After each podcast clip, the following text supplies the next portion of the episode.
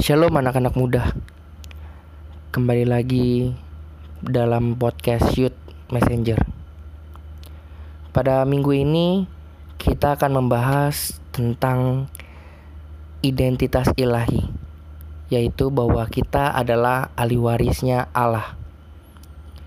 Pada Roma 8 ayat 12 sampai 17 mengatakan Jadi saudara-saudara kita adalah orang berhutang tetapi bukan kepada daging supaya hidup menurut daging.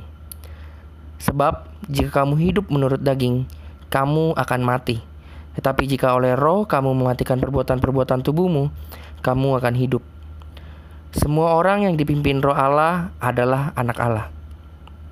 Sebab kamu tidak menerima roh perbudakan yang membuat kamu menjadi takut lagi. Tetapi kamu telah menerima roh yang menjadikan kamu anak Allah oleh Roh Kudus itu kita berseru, "Ya Aba, ya Bapa." Roh itu bersaksi bersama-sama dengan roh kita bahwa kita adalah anak-anak Allah. Dan jika kita adalah anak, maka kita juga adalah ahli waris. Maksudnya orang-orang yang berhak menerima janji Allah yang akan menerimanya bersama-sama dengan Kristus, yaitu jika kita menderita bersama-sama dengan Dia supaya kita juga dipermuliakan bersama-sama dengan Dia. Dalam kitab Roma, Paulus menuliskan pada jemaat-jemaat di Roma bahwa kita adalah orang yang berhutang. Kita berhutang kepada Allah karena Allah telah menebus kita dengan harga yang mahal, yaitu darahnya yang kudus, darahnya yang suci, dengan mati di atas kayu salib bagi kita semua. Maka dari itu kita bukan lagi hidup untuk menurut daging. Kita tidak lagi akan bisa untuk hidup menurut dunia. Karena kita bukan berhutang kepada dunia. Kita berhutang kepada Kristus yang telah menyelamatkan kita dari maut. Lalu ketika kita telah menerima identitas itu sebagai ahli warisnya Allah, kita kan harus tekankan bahwa di dalam ahli warisnya ini gak kita terima dengan cuma-cuma.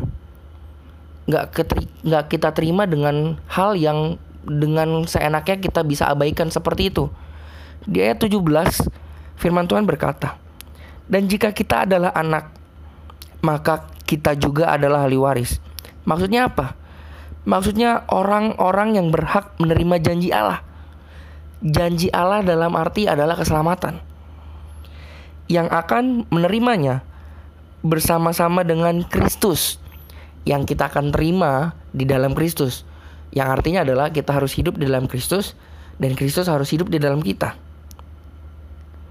Yaitu jika kita menderita bersama-sama dengan Dia. Saya tekankan sekali lagi, kita adalah orang yang berhak menerima janji Allah yaitu keselamatan yang akan menerima bersama-sama dengan Kristus, yaitu kita jika kita menderita bersama-sama dengan Dia, supaya kita juga dipermuliakan bersama-sama dengan Dia. Firman Tuhan berkata, ketika kita menjadi ahli warisnya Allah, dunia tidak akan menerima kita. Sama halnya ketika Yesus ditolak di tanah kelahirannya. Dia ditolak. Begitupun juga kita akan ditolak oleh dunia. Ketika Kristus hidup dalam kita dan kita adalah menghidupi kehidupan Kristus. Kita adalah anak-anak Allah yang memancarkan kasih Kristus. Sudah pasti dunia akan menolak kita. Tapi jangan khawatir ketika kita telah menerima identitas ilahi itu.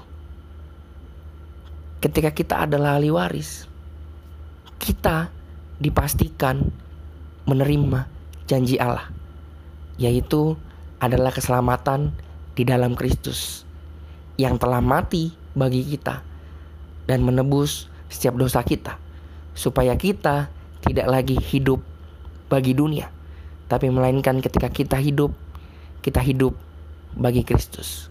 Dalam nama Yesus. Amin.